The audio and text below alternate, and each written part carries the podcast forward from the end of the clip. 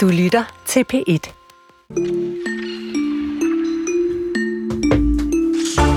I 2020 ramte en gammel buste samtlige af landets medier efter at være kastet i Københavns Havn som en del af en såkaldt kunsthappening.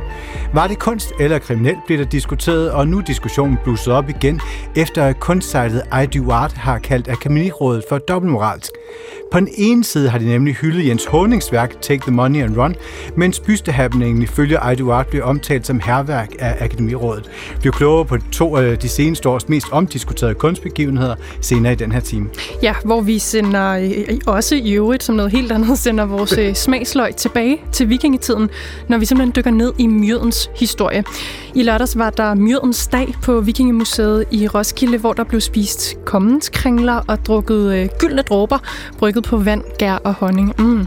Vi øh, afrunder Moms. dagen i selskab med initiativtageren til myrdens dag, samt en af landets øh, nok mest kendte mad- og vinanmeldere, hvor vi smager på de her sager, kigger ind i øh, fremtiden for vikingernes favoritdrik, måske favoritdrik, og ser om den har en fremtid.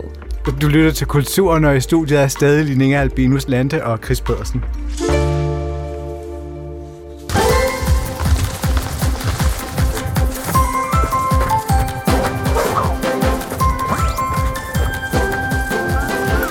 Det var svært ikke at løfte øjenbrynet, bare en lille bit smule, da denne trailer ramte internettet. Den reklamerer, reklamerer nemlig for et samarbejde mellem det japanske Pokémon-spil og Van Gogh-museet i Amsterdam, som er gået sammen om at fejre museets 50-års fødselsdag.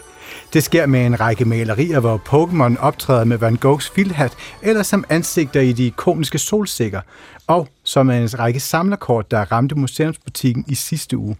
Og det lød sådan her, da fansene de gik amok.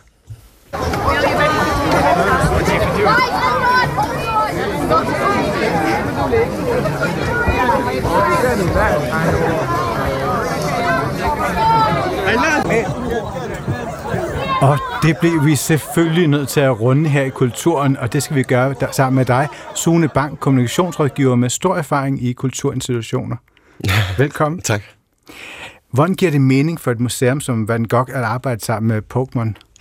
Jamen altså, det, det kan man jo godt sådan lidt finkulturelt øh, rynke på næsen over, men altså grundlæggende så... Og det gør vi i øvrigt ikke. Nej, det gør vi ikke. Nej, og det gør jeg heller ikke, vil jeg selv sige. Jeg er selv øh, øh, skyldig i mange af sådan nogle øh, initiativer, altså fordi øh, når du har med noget, der er flere hundrede år gammelt, øh, og det kan være klassisk musik, det kan være kunst, det kan være øh, arkitektur, eller for den så skyld øh, det, der ligger i jorden, øh, de museer, der har med det at gøre, så er det jo ret svært at få aktualiseret øh, den der gamle fortælling, og det gør man jo på alle mulige forskellige måder, blandt andet ved at lave samarbejde med nogen, der er hypermoderne i den tid, vi lever i lige i øjeblikket. Så ser du det her som en form for øh, to giganter mødes historie? Ja, altså det, man gør jo mange gange det inden for øh, kunstinstitutioner. Man måske har en, øh, det, der hedder artist in residence. Man har en eller anden øh, stor kunstner, måske nogle gange fra en anden verden, øh, som så er tilknyttet øh, den her kunstneriske øh, udtryksform, og så lader vi den person mange gange lave nogle forskellige fortolkninger af måske nogle gamle klassiske stykker, eller, eller, eller, eller for den så skyld, øh, som vi har gjort nede på Museum Sydøstdanmark, øh, bruger Jim Lyngvild øh, til at aktualisere øh, vølver. Øh, hvad, hvad fanden er vølver? Altså, det er ikke, noget, det er ikke et ord, jeg bruger særlig meget i, i dagligdagen. Men når man så pludselig tager billeder på en anderledes måde, kreativ måde, kunstnerisk måde, af for eksempel kulturministeren eller Gita Nørby, og klæder dem ud som vølver, som man måske ikke vil gøre i normal sammenhæng, vil man bare hænge dem op i en montre, jamen så skaber det bare en kæmpe opmærksomhed. Her er der så, undskyld Chris, mm. tale om, om altså klassisk kunst møder ungdomsspille, ja. tegnefilms, kort udvekslingsunivers. Ja. Hvad skal et museum som Van Gogh-museet passe på med, når de indleder sådan et samarbejde? Altså, øh, der er noget, der er kortsigtet, og noget, der er langsigtet. Altså, nogle gange nu her, nu spiller I øh, øh, de kaotiske scener, der udspillede sig nede i, øh, i øh, designshoppen i, på Van Gogh-museet, hvor folk næsten blev fysiske, som var det en eller anden form for Black Friday. Øh, og det blev så historien. Det vil sige, Pokémon kører jo i høj grad med fortællingen. Men der er ikke nogen diskussion om, tror jeg, at når vi kigger på salgstallene og opmærksomheden, presseklip og alt muligt andet, så har Van Gogh-museet fået en eller anden revitalisering digitalisering. Men det er jo ikke den langsigtede. Altså hvis man går sammen med en eller anden, der ligesom overtager hele historiefortællingen, jamen så, øh, så får Van Gogh-museet ikke så meget ud af det. Men hvis man tager fat i en, der måske faktisk kan være med til at formidle det på en ny måde, og ikke øh, overtager hele historien, så kan det være en langsigtet opbygning. Hvordan finder man ud af det? Altså som institution, hvad, hvad er det for nogle parametre, man sidder og kigger på der? Altså jeg vil sige, nu, nu, har, nu har jeg siddet i bestyrelser i en række forskellige kunst- og, og kulturelle institutioner, og det første stykke arbejde, det er ofte at øh, få flyttet bestyrelsen, fordi man har måske ofte, når man har siddet i en bestyrelse, en mere klassisk tilgang til, hvordan man skal formidle øh, den her kunstform. Øh, og når den så er sket, så er det jo sammen med den kunstneriske leder eller musikchefen, ofte dem drevet af dem, så finder man frem til, hvem er bedst egnet til at formidle det her. Hvis vi tager for eksempel eksempel Copenhagen Phil, øh, øh Sjælland, tidligere Sjælland Symfoniorkester, der har vi i mange år lavet øh, en række initiativer, der skulle modernisere eller aktualisere de her 250 år gamle stykker. Øhm, og det vil sige, at man så måske laver et samarbejde med en verdensmester i, i Scratch, DJ, vi har en, en i Danmark, der hedder DJ Noise, eller med Oland, eller med øh, Tina Dikov, og så laver man et format, der hedder 60 Minutes, der ikke tager helt så lang tid. Man ikke når at falde i søvn på forreste række, men man faktisk øh, får en ny oplevelse af musikken. Sådan nogle initiativer har Copenhagen lavet masser af, og derved blevet mere øh, dynamiske, moderne, øh, aktuelle. Så I bare Copenhagen Phil er et skridt fra at spille noget Pokémon-musik? Jamen altså, det, hvis, altså, man, man skal jo i hvert fald, når man laver et samarbejde med sådan nogle andre store, øh, så skal man jo finde ud af, at man får vredet sit, øh, sit brand eller sit produkt i en helt skæv retning. Øh, Problemet er, at det mange gange ikke er skadeligt at få det vredet i en anden retning. Altså for eksempel nede på Museum Sydøstdanmark, på Køge Museum, der laver vi det, vi kalder en debatudstilling. For vi ved sgu godt, at der er mange, der mener, at Jim Lyngvild er for meget øh, eller for anderledes. Og så skaber man en debat om vølver på den måde. Så det, det virker ret ofte. Og det er ikke kun Van Museet, i, der, der har arbejdet med det her i Odense, der inviteret H.C. Andersen Museet i fredags til lancering af deres nye kollektion med det københavnske streetwear-brand Le Fix. Det består blandt andet af en jakke og en hættetrøje og t-shirts med print inspireret af H.C. Andersens mere dystre papirklip. Og i den forbindelse, der spurgte jeg museumsinspektør for retningsudvikler ved H.C. Andersen Museet, Niels Bjørn Fris, hvordan det giver mening. Jamen, det, der, det er flerfoldigt. Vi, øh, man kan sige, museet har en, en, en kernegruppe af gæster, som vi har godt har en stærk kommunikation med, og så er der jo en gruppe af mennesker, øh, en, stor, en relativt stor gruppe af mennesker, som mm, hvad skal man sige, mister kontakten til, til Andersen, øh, når de bliver store børn eller, eller teenager, som først finder ham igen, når de, øh, når de selv får børn, eller bliver endnu, måske for nogle vedkommende først bliver, bliver bedsteforældre selv. Og, øh, og vi vil jo selvfølgelig gerne holde dialogen i gang, fordi Andersen er så enormt dyb og så enormt bred, øh, har en enormt spændvidde, som, som mange tager for givet og slet ikke er klar over.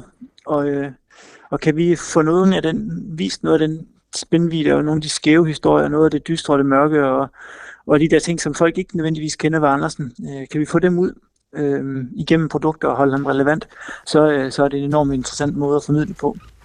Altså et museum, der forsøger at holde sig relevant via ja. en hættetrøje med papirklip på. Det var det Niels Bjørn Fri, som fortalte her. Hvad tænker du om den koblingszone? Man skal ikke øh, sidde og dømme for meget øh, og mene for meget, før det nogle gange faktisk er gjort, fordi det kunne godt øh, være noget. Altså, der er jo der er sågar øh, øh den gamle symaskine Singer har lavet et samarbejde med Supreme på et tidspunkt. Hvor man Supreme er det her Tokyo-mærke, der er meget, meget hypet. Det er det, ikke? Altså, og det var, virkede måske ikke så godt. Altså, nogle gange kan det godt blive for tænkt, for strategisk, for lidt for kommercielt tænkt. Men, men altså, helt seriøst, altså, vi har så mange gamle historier, der har svært ved at komme igennem, som stadigvæk repræsenterer en kæmpe værdi, om det er inden for tænkningen, eller om det er inden for det, der ligger i jorden, eller om det er noget af den musik, vi har.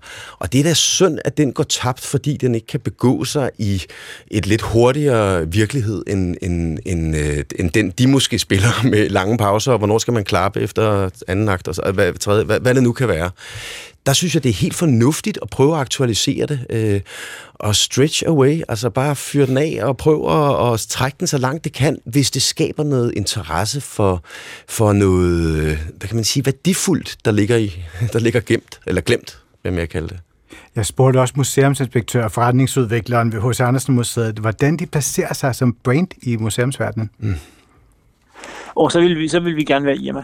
Altså vi vil, vi vil gerne være kvalitetsproduktet. Vi er, øh, vi er restriktive i vores, øh, vi indgår ikke ret mange partnerskaber, øh, og har fald ikke gjort det indtil videre. Det skal være, et, alle partnerskaber, vi indgår øh, og del i, de skal give mening. Øh, som et formidlingsprojekt, de skal give midling i som, som en bedre kvalitet, og det skal give midling og give mening også i, i en økonomisk sammenhæng. Så vi, er, vi, vi siger nej til mere, end vi siger ja til. Men, øh, og det er simpelthen det håber om, at vi, vi, siger, vi siger ja til de gode produkter, og vi kan, vi kan få styring på, øh, på hos Andersen brandet, fordi det er jo, Andersen er jo besværlig på mange måder, kan man sige, som, som brand, fordi der er ikke, i bund og grund ikke rigtig nogen rettigheder, så det vi sælger er ikke retten til at bruge Andersens papirklip, fordi det kan, det kan man sådan set egentlig bare gøre. Men, men det, er, det er retten til at, at kalde sig partner af det officielle hos Andersens hus, og al den viden, øh, som ligger i huset, og al den øh, autenticitet, som ligger i, i, øh, i vores museumsinstitution. Niels Bjørn Fris var det altså her fra H.C. Andersen Museet der betragter sig selv som Irma, ja. man skal bede ham om at øh, påpege et, øh, et brand, han Og ikke den lukkede Irma, Nej, men det... den Irma, vi kender. Ja. Nå, øh, Sune Bang, øh, nu har vi talt om øh, H.C. Andersens samarbejde med Lefex mm. og Van Goghs samarbejde med Pokémon, altså museet. Og der er en hel masse andre af den slags. Mm. Er det fremtiden, tror du, for øh, hvordan museer promoverer sig selv? Altså, de bliver nødt til at gå et skridt længere end den for eksempel kunst, de har hængende på væggene? Jeg synes, det ville være helt tosset ikke at gøre det. Altså, fordi der er så meget øh, værdifuldt derude, som jo, undskyld mig, har overlevet i mange år, og derfor så er det jo også, fordi det er kvalitet.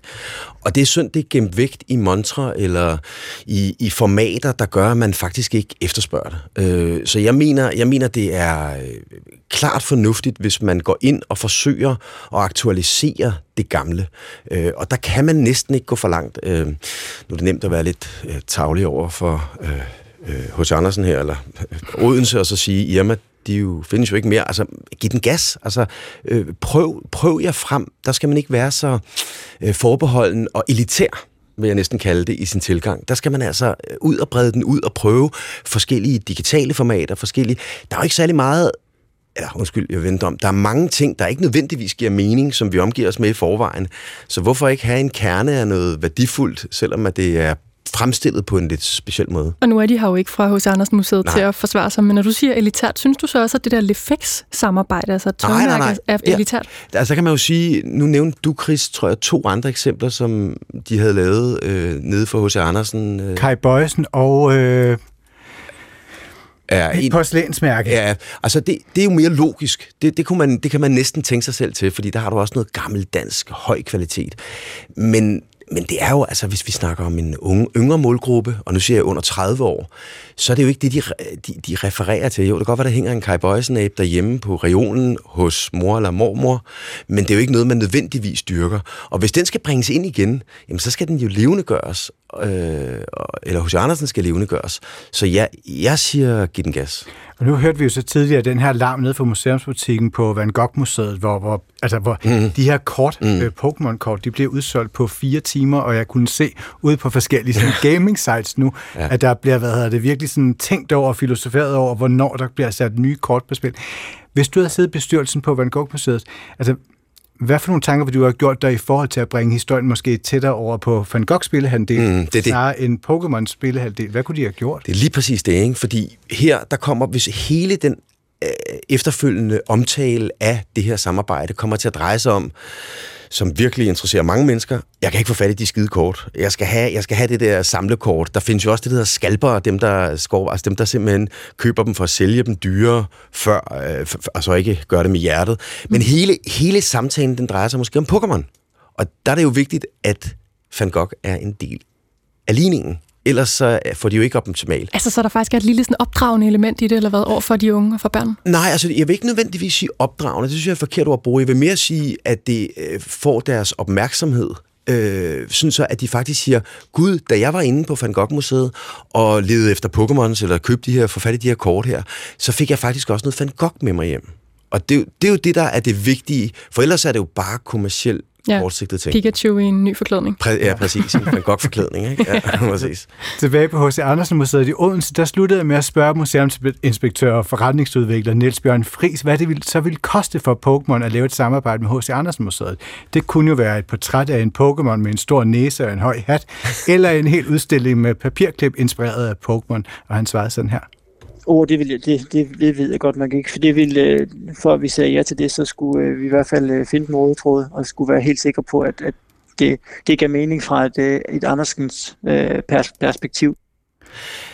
Altså, der er, jeg er helt sikker på, at det vil give kæmpe mening. Du har hele den japanske, øh, også kinesiske opdragelse i faktisk at læse hos Andersen. Og Pokémon, altså det vil skabe, det vil nok slå alle turistrekorder, hvis de faktisk øh, tog hatten af og gik i gang. Og så kunne de gå løbe rundt med telefonen og finde Pokémon-figurer ude i den nye hos Andersen. Ej, hvor fedt. Tak til dig, Sune Bank, kommunikationsrådgiver.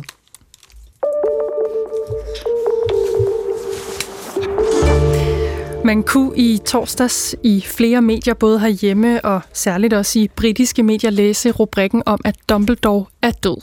Og det er jo i og for sig ikke sådan helt rigtigt. Det var den øh, engelske skuespiller Sir Michael Gambon, der døde torsdag morgen i en alder af 82, og han er ganske rigtig nok allermest kendt for sin rolle som professor Albus Dumbledore i det verdenskendte Harry Potter-univers.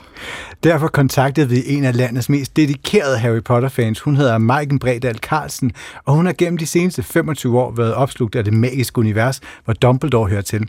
Sammen med vores reporter Joachim Kruse Rasmussen tegnede Maiken Bredal Carlsen et portræt af den ikoniske karakter, professor Albus Dumbledore.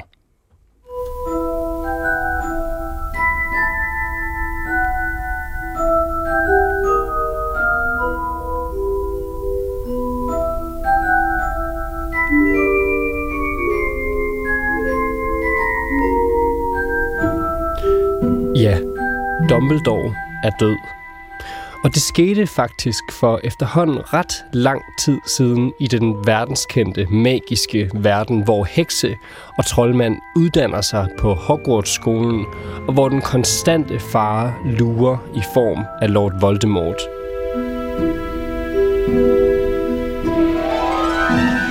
Og Albus Dumbledore, han døde helt specifikt i astronomitårnet på Hogwarts-skolen, og han blev dræbt af sin medunderviser, professor Severus Snape.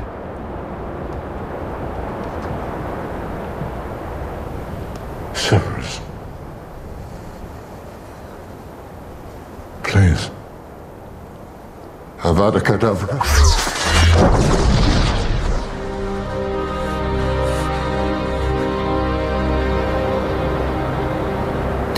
Jeg startede med at spørge Maiken Bredal Carlsen, hvad hun tænkte, da hun for første gang hørte, at skuespilleren bag Dumbledore-karakteren, Michael Gambon, han var død. Altså, da jeg læste, at han var gået bort, Michael Gambon, så øh, blev jeg jo først en utrolig trist, øh, fordi vi har jo efterhånden mistet rigtig mange meget store skuespillere øh, inden for Harry Potter-verdenen, og nu var det jo ligesom øh, den anden skuespiller, som har øh, videreført Dumbledore i, øh, i Harry Potter-filmene i hvert fald, som jo så var gået bort, da vi jo mistede Richard Harris øh, tilbage i 2002, som mm. jo spillede Dumbledore i de to første film. Um, og det gav mig lidt, øh, lidt minder tilbage til det på en eller anden måde. Um, fordi dengang var jeg bare ramt af en følelse af, at hvem i alverden skal kunne udfylde så store sko og klare rollen så flot. Og så kom Michael Gambon ind fra siden af, og jeg ved godt, at folk har været meget blandede omkring, hvad de synes om hans måde at portrættere Dumbledore på. Men jeg synes, han har haft en utrolig øh, spændende tilgang, og det, at han har skulle udfylde nogle meget store sko, synes jeg, han har klaret med bravur, fordi han har formået ligesom at tage rollen og gøre den til sin egen, uden at jeg synes, øh, personligt i hvert fald, at han har, øh, han, at han har ødelagt Dumbledore-karakteren. Det synes jeg ikke. Jeg synes virkelig, at han har givet ham nogle andre lag, end hvad Richard Harris gjorde i sin tid, og derfor har det jo gjort meget ondt at vide, at nu er han ikke blandt os mere. Og lad os lige blive ved uh, Dumbledore-karakteren. Hvad har den her uh, karakter, den her høje uh, mand med det meget lange hvide skæg, hvad har han betydet altså for dig som læser og som, som fan? Um, han han er en vigtig øh, hjørnesten, kan man sige, i historien, synes jeg, fordi han jo netop skal være den der ledende, vise karakter for, for Harry og give ham den vejledning, han egentlig har brug for, sammen med en masse andre selvfølgelig også. Øh, men, men det er jo først og fremmest Dumbledore, der egentlig er ham, vi, vi går til, når vi undervejs i bogen læser og tænker, okay, hvem er det, der kan se alle kortene, de kort, vi andre ikke kan se. Det ved vi, det er Dumbledore, det er ham, vi skal have fat i. Ikke? Og han er den eneste, som Voldemort virkelig frygter, og hvorfor gør han egentlig det? Det, må, det ligger også en, øh, en stor betydning over på Dumbledore, at den her øh, mørkets troldmand og, og virkelig onde mand, øh, at han rent faktisk er bange for Dumbledore. Um, så Dumbledore er øh, en meget, meget stor karakter i universet.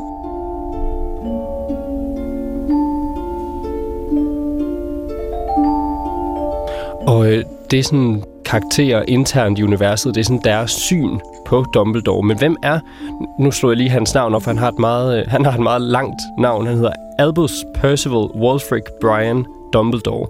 Hvem er han som, øh, altså som karakter?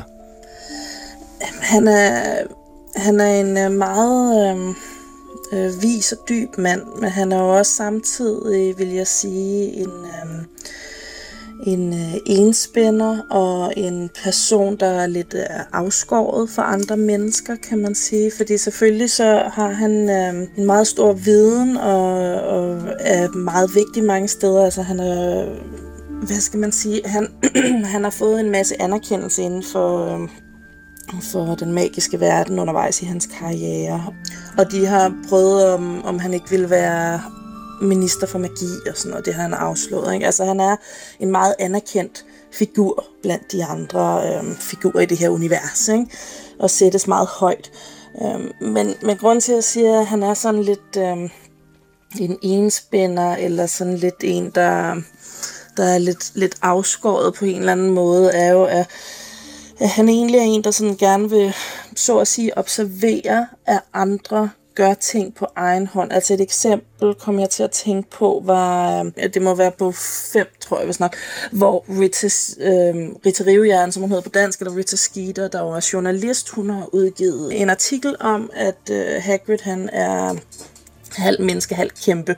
Og det her med, at han er halvt kæmpe, sender så en stor frygt igennem øh, samfundet. Og i bogen, der får Hagrid lov til ligesom bare at være sig selv rigtig længe nede i sin hytte, hvor han bare låser sig inde. Og man kan godt sådan lidt undre sig over, hvorfor er det egentlig, at Dumbledore han ikke går ned tidligere, fordi han går ned til, til Hagrid til sidst, og ligesom får ham i gang og siger, nu må du holde op, og det er bare folk, der snæver synet og kom ud af din hytte, og vi holder af dig, og øh, du er ikke øh, ligegyldig for os, eller farlig, eller noget. Ikke? Altså ligesom anerkender ham. Det gør han også, men det tager rigtig lang tid, før han gør det. Øhm, og man kan godt undre sig over, hvorfor, hvorfor er han bibeholder den her observerende rolle, så at sige. Ikke? Men jeg tænker, Um, det er blandt andet, jeg ved, J.K. Rowling selv har udtalt sig om netop det, at, at han er en mand, der gerne vil have, at folk lidt skal kunne gøre ting selv, fordi hvis Hagrid havde været i stand til selv at komme ud af den hytte, så havde det været bedre for Hagrids egen sådan helingsproces, så at mm. sige. At han selv havde taget magten og gået ud. Ikke? Så Dumbledore er en, der, der, der lidt mere sidder selvom at han har kortene, så at sige, rigtig tit, så sidder han lidt mere på sidelinjen og giver kun enkelte kort i håb om, at, at modtageren ligesom selv kan komme frem til punkterne. Og det er jo også det, vi lidt kan se med, med Harry, at han virkelig overvejer meget dybt, hvilke kort skal Harry egentlig have lov til at vide, og hvornår skal han det. Han får ikke lov til at se hele dækket, og han får ikke lov til at vide, hvad hans skæbne egentlig indeholder. Og, og det er jo et interessant karaktertræk, fordi man kan snakke om, om det egentlig er, om det egentlig er pædagogisk, om det er øh, øh, empatisk af ham og sådan, men altså det kommer jo også lidt an på, øh, hvilken vej du ser det, fordi ville Harry være i stand til at kunne gennemføre det, han egentlig skal, hvis han havde fået alt at vide fra start af. Det ved vi ikke, fordi nu er det jo gået den her vej, det er, ikke? Mm. Men, øh.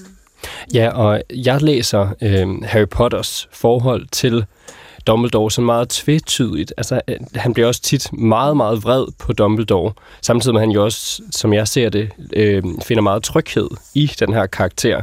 Hvad er det for et forhold, de to, ja. altså hovedpersonen i det her univers, Harry Potter, han har til Dumbledore? Jamen, jeg synes helt klart, at din beskrivelse af at kalde det tvetydigt er rigtig god. Fordi man kan sige, der er jo en, en stor kærlighed fra Harry til Dumbledore, og Dumbledore udviser også utrolig stor kærlighed til Harry. Altså Harry er meget vigtig for ham. Øhm, så, så der er jo et, et meget nært forhold øhm, til hinanden, et, øhm, et omsorgsfuldt forhold, ikke? Øhm, og et vejleder øhm, forhold, så at sige. Ikke? Øhm, og der har vi ligesom det positive i deres relation. Af, Dumbledore vil jo gå utrolig langt fra, for Harry for at, at passe på ham og hjælpe ham så meget som muligt.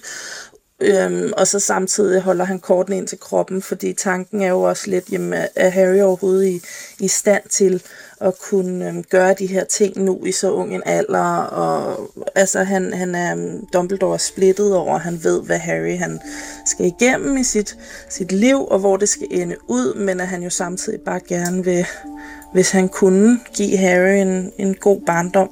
No spell can reawaken the dead, Harry. I trust you know that. Dark and difficult times lie ahead. Soon we must all face the choice between what is right and what is easy. But remember this. You have friends here. You're not alone.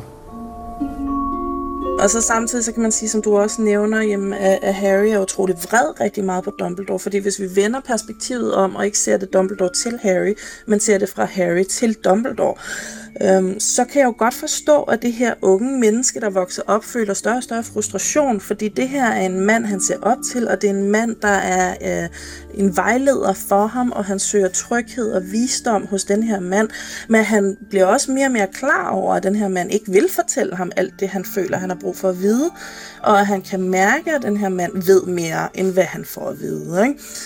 Øhm, så det bliver sådan en følelse af, at der bliver tilbageholdt information, vigtig information, øhm, over for ham, og det er jo til stor frustration. Ikke? Og nu har jeg, jeg, jeg har selv læst de her bøger af flere omgange og set altså alle filmene utallige gange. Og sådan i, efter min betragtning, så er Dumbledore sådan manges yndlingsfigur. Altså, e- eller så er han i hvert fald meget elsket og har en speciel plads hos mange fans. Hvorfor tror du, at det lige er Dumbledore-karakteren, som mange godt kan lide og øh, nævner, når de skal nævne en favorit? Jeg tror, at det i hvert fald, hvis du også tog udgangspunkt i, at det er boglæserne blandt andet også. Ikke? Han har jo en tendens til, hver gang han skal holde tale øhm, øh, og sige nogle meget mærkværdige ting, hvor øh, der bliver efterladt en stemning af sådan lidt en, okay, var det det? Hvad, hvorfor siger han det? Welcome, welcome to another year at Hogwarts. Now, I'd like to say a few words before we all become too befuddled by our excellent feast.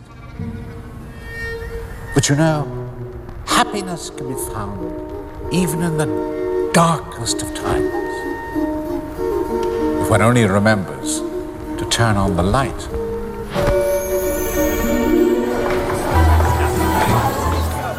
Hvor det er helt hen i vejret, nogle af de ting, han siger. Ikke? Fordi han har en meget, meget sær hjerne, og han har bare lidt flere lag, hvor man godt sidder og kan trække lidt på smilebåndet og tænke, at han er altså lidt en sjov gut. Ikke? For uden at, at vi har det her øhm, rolige væsen hos ham, og det, der er omsorg hos ham, og at han er kilde til, øh, til, en, til stor viden og, og tryghed jo også netop på grund af det her med, at som minimum så ved vi, at Voldemort faktisk frygter ham. Så lige meget hvad vil der altid være trygt, hvor han er.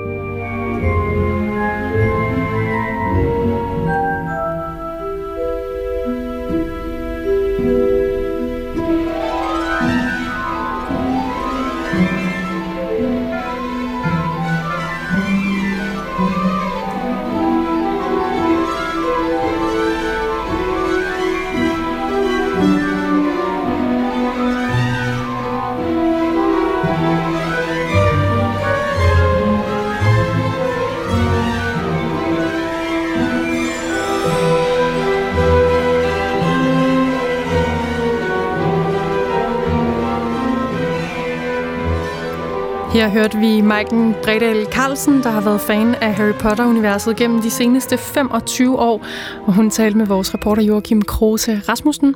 Undervejs hørte vi musik af den amerikanske filmkomponist John Williams.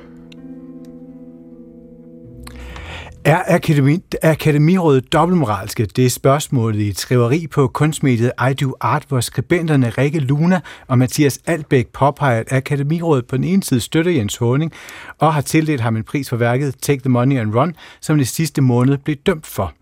Men på den anden side tager Akademirådet afstand fra bystehappeningen, altså den happening, hvor en øh, gruppe af anonyme billedkunstnere smed en byste i øh, af Frederik den 5. i den københavnske kanal, og Akademirådet har på deres hjemmeside forholdt sig til sagen flere gange, skriver senest den 20. september, at den her happening er et værk, men at de ikke vil vurdere de juridiske aspekter. Merete Anfeldt Mollerup, præsident for Akademiet og leder af Akademirådet. Velkommen til. Tak.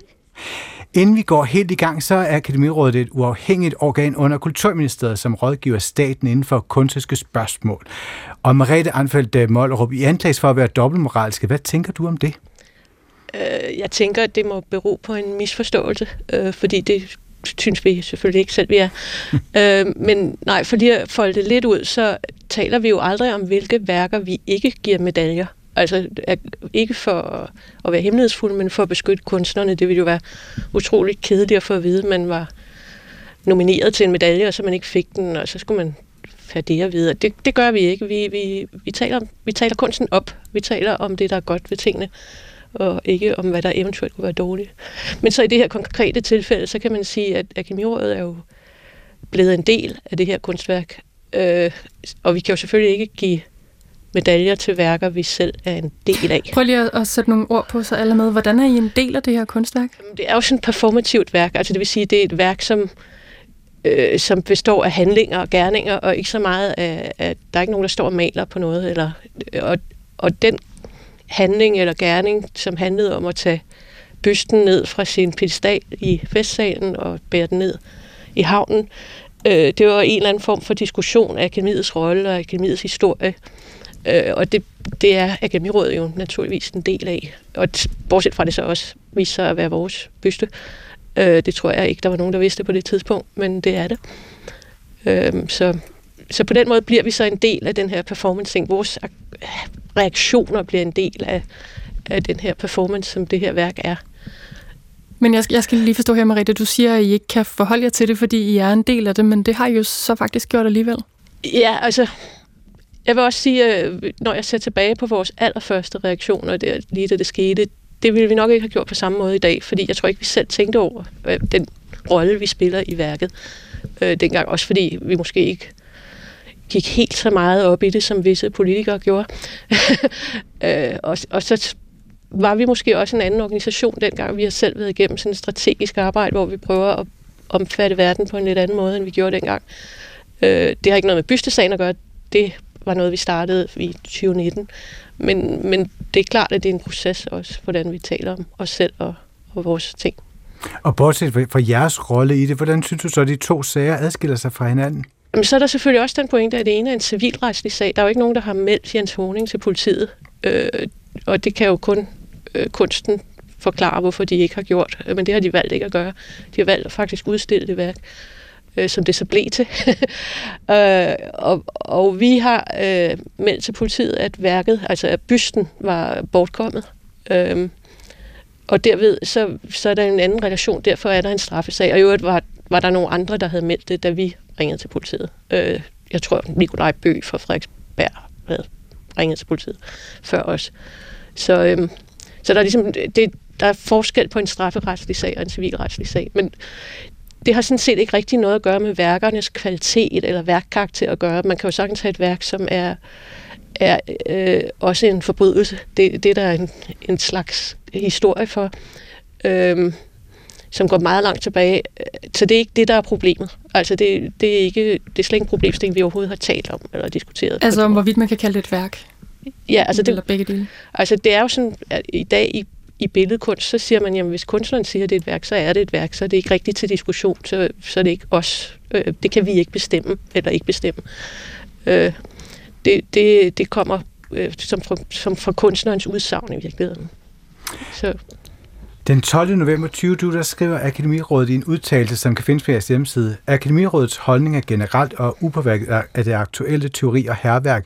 Og igen den 15. december 2020 endnu en udtalelse.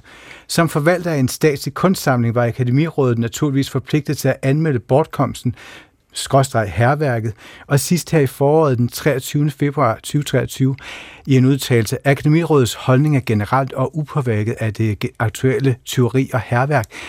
Hvorfor har I tidligere kaldt bysehandlingen for et, et herværk?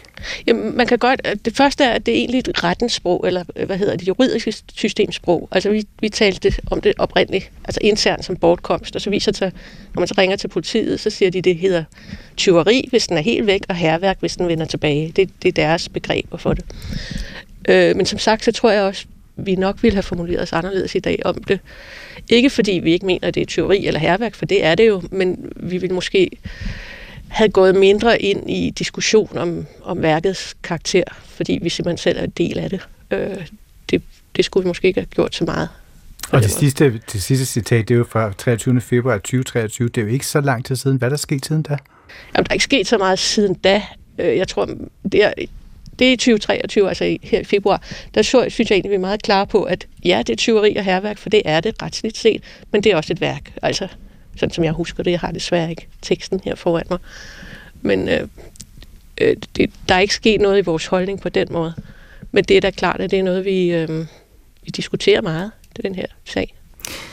Mariette, i jeres øh, udtalelse vedrørende ødelæggelsen af øh, bysten der i 2020, der skriver I, det er en farlig politisk holdning at betragte en hvilken som helst given handling som retfærdiggjort af et større onde.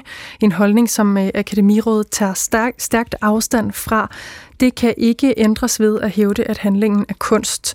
Citat slutter med Take the Money and Run, altså Jens Honings nyere værk. Øh, der øh, altså retfærdiggør man så på en måde det her med at øh, stjæle en halv million kroner øh, med, at det er, er kunst, eller hvad? Nej, altså hvis nu, at hvad skal man sige, Aalborg, kunsten i Aalborg øh, havde anmeldt det som teori, så havde det jo også været teori. Det har de valgt ikke at gøre. Øh, det havde lige så meget været værk. Og det er det samme i virkeligheden med bystaktionen, at, at det ændrer jo ikke med værkets værkkarakter, at det, de har gjort, er ulovligt. Det, det vi egentlig prøvede at sige, øh, det er, at at den der, hvor man går ud og siger, at det her må jeg godt, fordi det er kunst, det, den er vi ikke med på. Men vi kan godt anerkende noget kunst, selvom det er ulovligt. Giver det mening? Øh, forklarer jeg mig klart her? Altså, altså det, det, det er to godt... forskellige systemer, kan man sige. Ikke? Jeg kunne godt tænke dig at spørge dig, Mariette, hvorfor er Akademirådet anderledes indstillet over for Jens Honings værk generelt set, end over for øh, bystesagen? Fordi vi er en del af bystesagen. Vi er, indgår i værket. Øh, og det giver ikke mening, at vi går, begynder at... Altså det er sådan en meta-meta-ting, at begynde at diskutere et værk, som vi selv er en del af. Øh, det, det bliver noget rod. Men diskuterer I det ikke allerede, så snart I siger, at det er enten herværk eller kunst, altså bare gå ind i den øh, definitionsafgrænsning? Vi siger ikke, det er enten herværk eller kunst. Vi siger, det er både herværk og kunst. Ja, det er det. Ja. Og, og, og det overhovedet definere, der går I jo ind i det. Jamen, der er to ting i det. Den ene er, er det kunst eller ej? Det bestemmer kunstneren. Det er den konvention, vi har for kunst i 2023. Den anden ting, er det herværk eller ej? Det definerer det juridiske system. Det definerer politiet. Altså vi, vi står lidt uden for begge dele, men vi er jo nødt til at acceptere den virkelighed, vi er i. Øh, øh, hvis nu ikke det havde været vores øh, byste, så, så ville vi måske have kunne diskutere bystesagen på en anden måde, end vi gør. Men det det er vores byste, og vi kan ikke rigtig diskutere den på en anden måde. Vi er fanget imellem to stole i den her ting. Øh, og det er garanteret ikke været med vilje fra nogen side. Altså. En anden anklage lyder på, at I agerer sexistisk og racistisk, fordi på den ene side støtter et værk af en hvid mand, men på den anden side ikke støtter et værk, som en kvinde står bag. Hvad tænker du om det her afslutningsvis? Ja, øh, øh, Jens Horning han fik den medalje, der hedder Franziska Clausen medalje, som er en en medalje, der gives til et værk, et enkeltstående værk. Øh, det samme år gav vi øh, den allerfornemmeste medalje for, for billedkunstner, Torvaldsen-medaljen, øh, den gav vi til Ursula Reuter Christensen og til Malene Landgren, som så vidt jeg ved er kvinder begge to.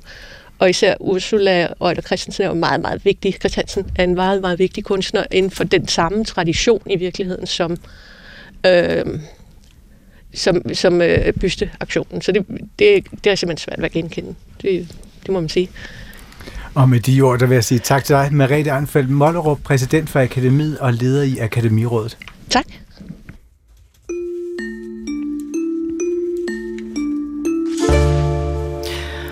Laver vi øh, noget af et øh, sceneskift. Nu er der kommet en, øh, en stor papkasse ind, og man kan har måske kunne høre en lille smule klirren med nogle glas, øh, for der er blevet sat op til øh, en lille, hvad kan man sige, en afslutningsfest øh, på vores mandags udsendelse.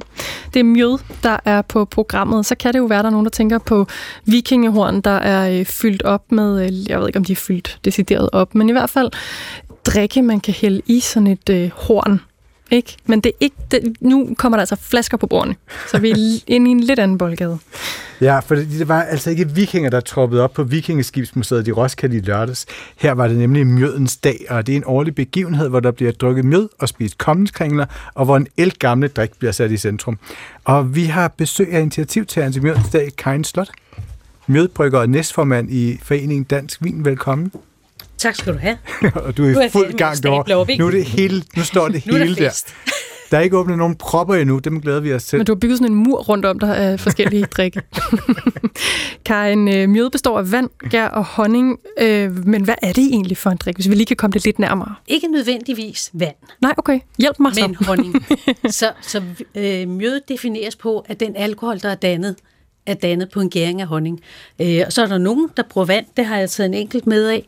Øh, men ellers så mixer man det typisk med nogle bær, nogle urter, nogle frugter. Øh, nogle af os, vi holder os meget til det nordiske, og nogle de bliver mere eksotiske og bruger mango eller ananas eller granatæbler eller sådan nogle ting. Men, øh, så der, der er plads til, til vild leg, og det kan jo både være noget, der er museerne, det har jeg noget med på, og det kan også være som dessertvine, mm. eller som, som mere over en hvidvinstype. Så det øh, gennemgående er for mjød, som jeg hørte dig sige, honning faktisk. Det er det, der er afgørende for, om det er mjød, vi har med at gøre. Ja, præcis. Jeg vil lige sikre mig, før vi går videre. Har vi både en, øh, en øloplukker til den ene flaske, og en lille kniv, så vi kan bryde nogle af de andre? Det, det skulle vi mange Jeg tror jeg faktisk, du har det. Det finder jeg lige frem. Karin, så kan du måske i mellemtiden fortælle, hvad, hvad er det, der, hvad, hvad går ligesom igen lige nu? Hvad trender i det moderne mjøde, øh, miljø, hvis man kan sige det sådan? Altså det er helt klart øh, øh innovation i forhold til at prøve mange forskellige ting. Øh, vi havde 45 møde til, til vurdering, og noget af det nye, der er kommet, det er for eksempel noget her på, på dåser, som jeg har taget med ned på 5%, som en læskedrik. Øh, så er det museerne myde, og så er det at bruge forskellige øh, frugter og bær, fordi så får man en, god, en meget bedre balance, så den der sødme, restsødme, der kan være, bliver balanceret af med noget bitterhed og noget, noget syre. Hvis man er et stor fan af honning, og det jeg blandt andet, jeg, jeg køber altid honning med hjem fra Grækenland, og der kan man jo smage på honningen, altså både på hvilket tidspunkt, at, øh, at honningen er blevet høstet, indsamlet, men jo også hvilke typer marker det er i nærheden af, altså hvilke krydderier, hvilke blomstertyper.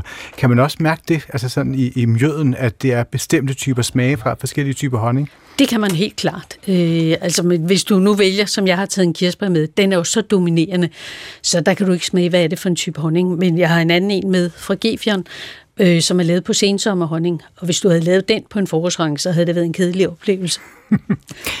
Vi kan sige ved siden, øh, eller i, faktisk i virkeligheden, Karin, øh, mens vi lige siger velkommen til vores anden gæst, så kan det være, at du skal øh, skænke noget af det, vi skal smage på. Ja. Først, jeg rækker dig lige... Når du har faktisk fået en oplukker? Ja, fået Okay. Og jeg, jeg clear lidt. Jeg kan sige, hvad jeg vil, men jeg har en øloplukker i mit nøglebund. Søren Frank, velkommen til dig også. Tak. Hvor ofte støder du, og du er, som vi sagde før, vin- og madanmelder hos Berlingske. Hvor ofte støder du på mjød, når du går på arbejde, går ud og spiser? Meget sjældent meget sjældent. Øh, det er jo ingen gang en gang om året, vil jeg sige. Men tilfældigvis, så, øh, så stødte jeg på det i sommer på en, en virkelig fremragende øh, ny restaurant i Aarhus, som hedder Novel, hvor de havde, hvor de havde brugt det øh, i desserten, øh, altså simpelthen som en ingrediens. Øh, og så fik jeg lov til at smage lidt på den, fordi kokken var så begejstret for den, og jeg synes, at den der honning-dessert var, var sindssygt interessant. Øh, og øh, det viste sig så at være en mjøde lavet af en, der hed Søren, øh, en bidangal viking, som, som kokken øh, sagde, at han var og den var så lagret på bourbonfad, altså aflagte amerikanske whiskyfad. Oh, så man, det, det trængte ligesom op i den også? Ja, det, det, det gav sådan et, et ekstra lag på den, en ekstra dybde, så den, den var, for mig smagte den, altså både dessertagtigt, det var sådan sød i det, og, øh, og så sådan lidt hedvinsagtigt i det, ikke? Og, og jeg, synes, jeg synes faktisk, det var en god ting med det der med, med, med fadet der på, øh, og øh, der, der var jeg ret begejstret, men ellers så går der lang tid imellem. Altså faktisk, faktisk øh, var det, da jeg mødte Karen øh, en gang øh, til Copenhagen Cooking øh, på, inde ved, på Israels plads, hvor du stod og skænkede noget. Vi, sad, vi, vi stod lige og snakkede om det før. Måske var der noget med nogle, nogle cocktails, du stod og mixede eller sådan noget. Og ellers er det meget, meget, meget, meget, meget, meget sjældent på restauranter. Og jeg vil sige, det undrer mig, fordi nu har vi jo ligesom haft to, øh, 20 år med det nye nordiske køkken. Øh, og du ved, jeg har siddet på Noma og drukket birkesaft og øl og jeg ved ikke hvad, men jeg, jeg husker sådan set aldrig nogensinde har fået mjød øh, engang på Noma. Mm. Og nu har du lige løftet slået for, at det ikke er så ofte, at du støder på det, men, men hvis du lige skulle sige noget nu, inden du får lov at smage på dem, Karin har taget med, hvad synes du så om mjød? Øh, hvad jeg synes om mjød, altså, er det lidt, jeg skal, skal jeg smage på denne her? Eller, eller, Nej, først, før du smager. Okay. Jamen, altså, som sagt, den, jeg smagte sommer så god, så har jeg, fået, så har jeg også smagt på, på en restaurant, der var helt fantastisk, som hedder Faviken, langt op i Sverige, helt, altså, i syv timers kørsel nord for Stockholm to Michelin-stjerner var oppe på sådan nogle 20 i verden på et tidspunkt, desværre lukket nu, var det lidt af en vikingagtig restaurant, sådan lavet for 1400-tallet, hvor, hvor, der også var, hvor man også fik øh, mjød og, og drik. Jeg tror, det jeg vil sige, det er, at det stikker i alle mulige retninger. Som sagt havde jeg en ret god oplevelse med den, jeg fik i sommer der. Den, den var virkelig kommet skridtet e- ekstra. Ellers så har det været, så vil jeg sige, så har det været lidt i øst og vest. Altså, hvad skal man forvente sig? Er det sødt? Er det ikke sødt?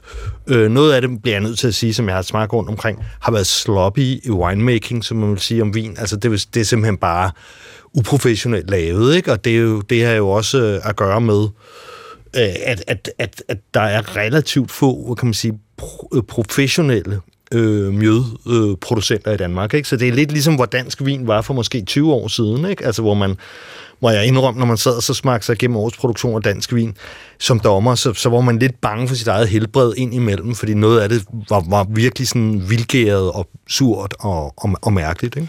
Nu, nu dufter jeg lige til noget, der måske er vildgæret, det ved jeg ikke. Karin, hvad er det, der er i glasset, som vi skal Det der nu, det er en, øh, en kvanmjød. Det er en museerne mjød, som er lavet på sarderæbler og på en øh, klassisk nordisk urt, der hedder kvan, som har altså rigtig meget urter og noget umami-smag. Og den er designet til at passe til røget mad, øh, til fisk.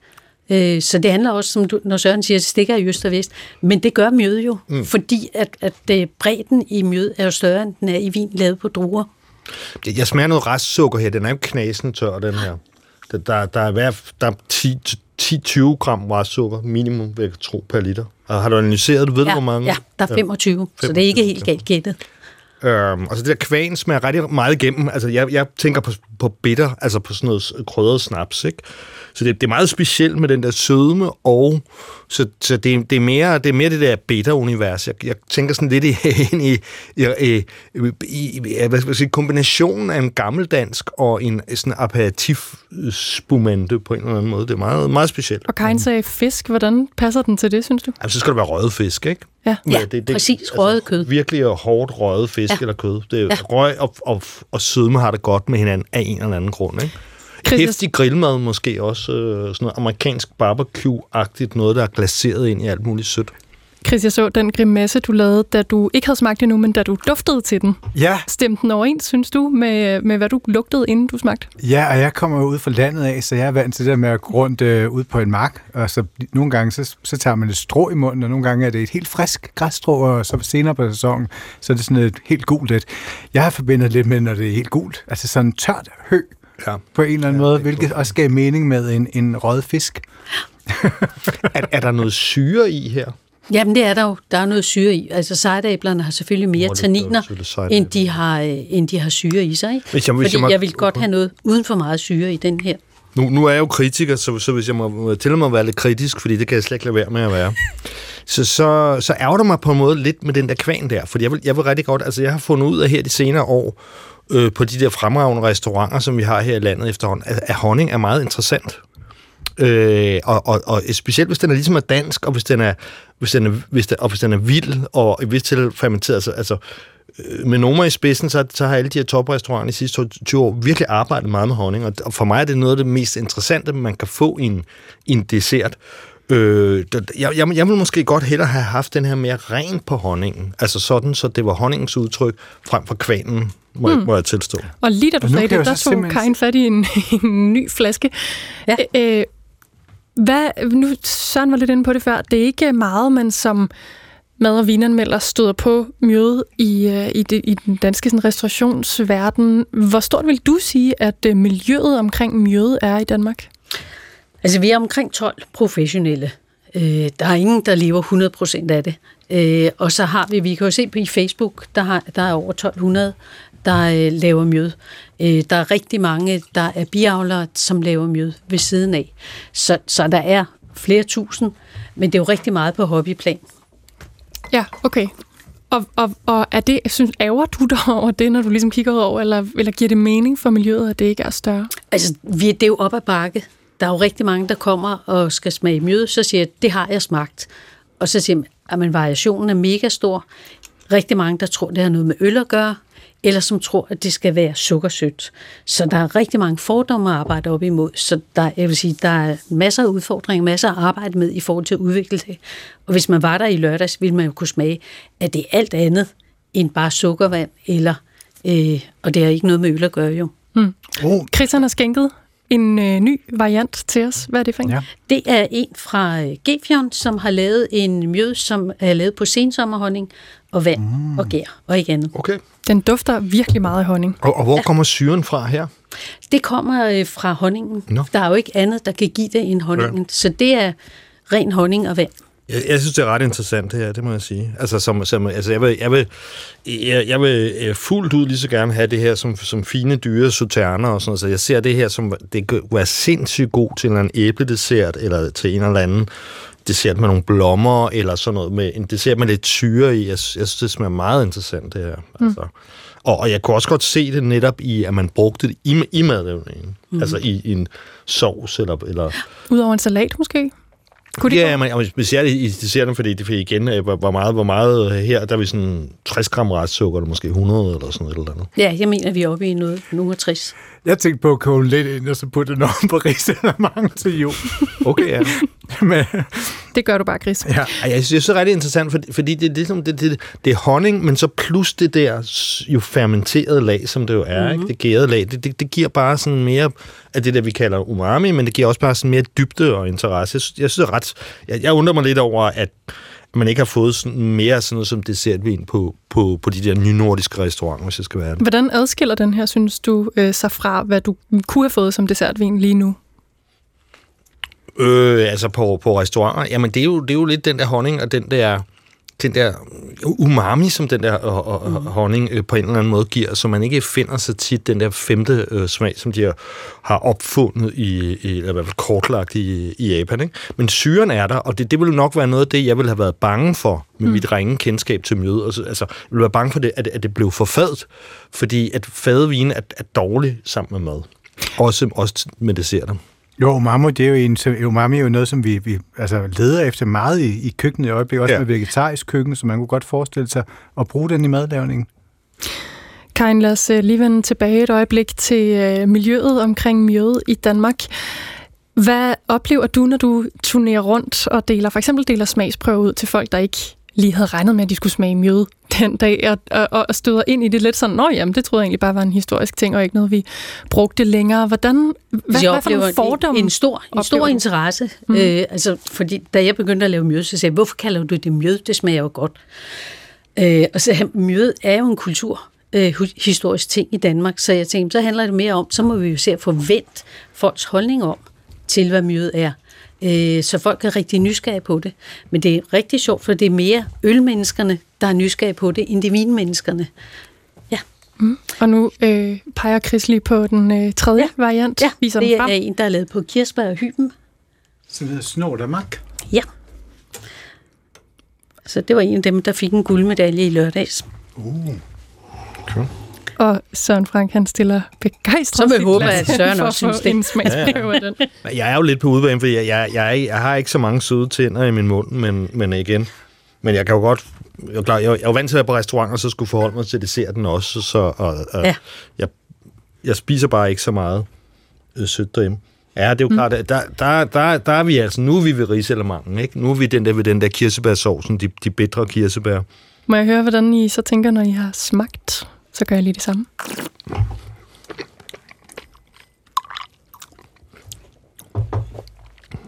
Det er godt nok meget specielt, der. Også fordi der er de der bedre, men meget bedre kirsebær. Og hvad var det, du sagde med, ud over kirsebær? Så, Så var er der hyben. Og hyben, ja, det er hyben, der gør, der giver, det er meget specielt. Det er meget specielt. Hvad for en øh, slags øh, ret vil du servere den her til?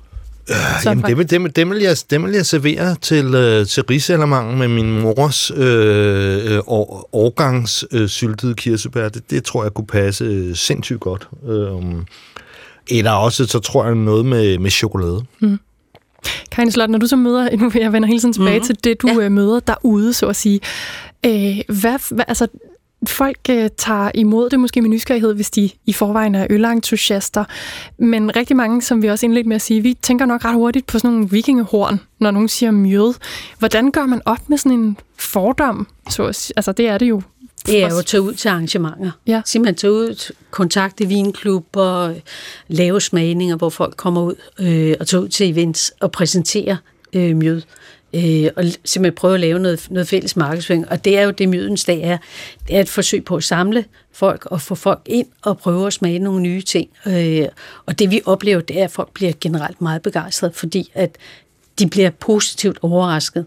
Øh, og det er jo en god ting. Og det er jo så måden, og så smitter det, fordi så, så køber de noget med, som de skal præsentere for deres venner og sige, og kan I gætte, hvad det her er? Ikke? Mm. Så det kommer, men det kommer langsomt. Og så nu har vi smagt tre forskellige, så ja. hvad, hedder det, hvad siger vinmennesket Søren Frank? Ja. Er du med på mødevognen nu? Ja, jamen, med mere i hvert fald. Ikke? Jeg, jeg står bare og tænker på, at, at du ved, at øh, det allerbedste, I kunne have gjort, altså set med, med min optik, det var at få en af de der, de, de tungeste øh, nynordiske restauranter, det er jo selvfølgelig især Noma, men også visse andre, har fået nogle af dem, altså leget med dem, fået dem involveret i det og fået dem med på det, fordi de kan jo, de kan jo sprede det som i, i, i worldwide.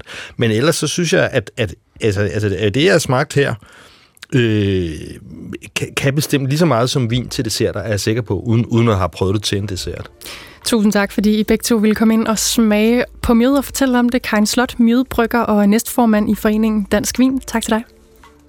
Og også til dig, Søren Frank, med og vinredaktør på Berling. Skal I kan jo lige tømme glasene, mens vi runder programmet af. Thomas Holmby Hansen produceret. Ja, og i studiet var Linnea Albinus Lande og mig, Chris Pedersen. Og så tre glas mjød. Ja, som skal tømmes nu. ha' en god aften.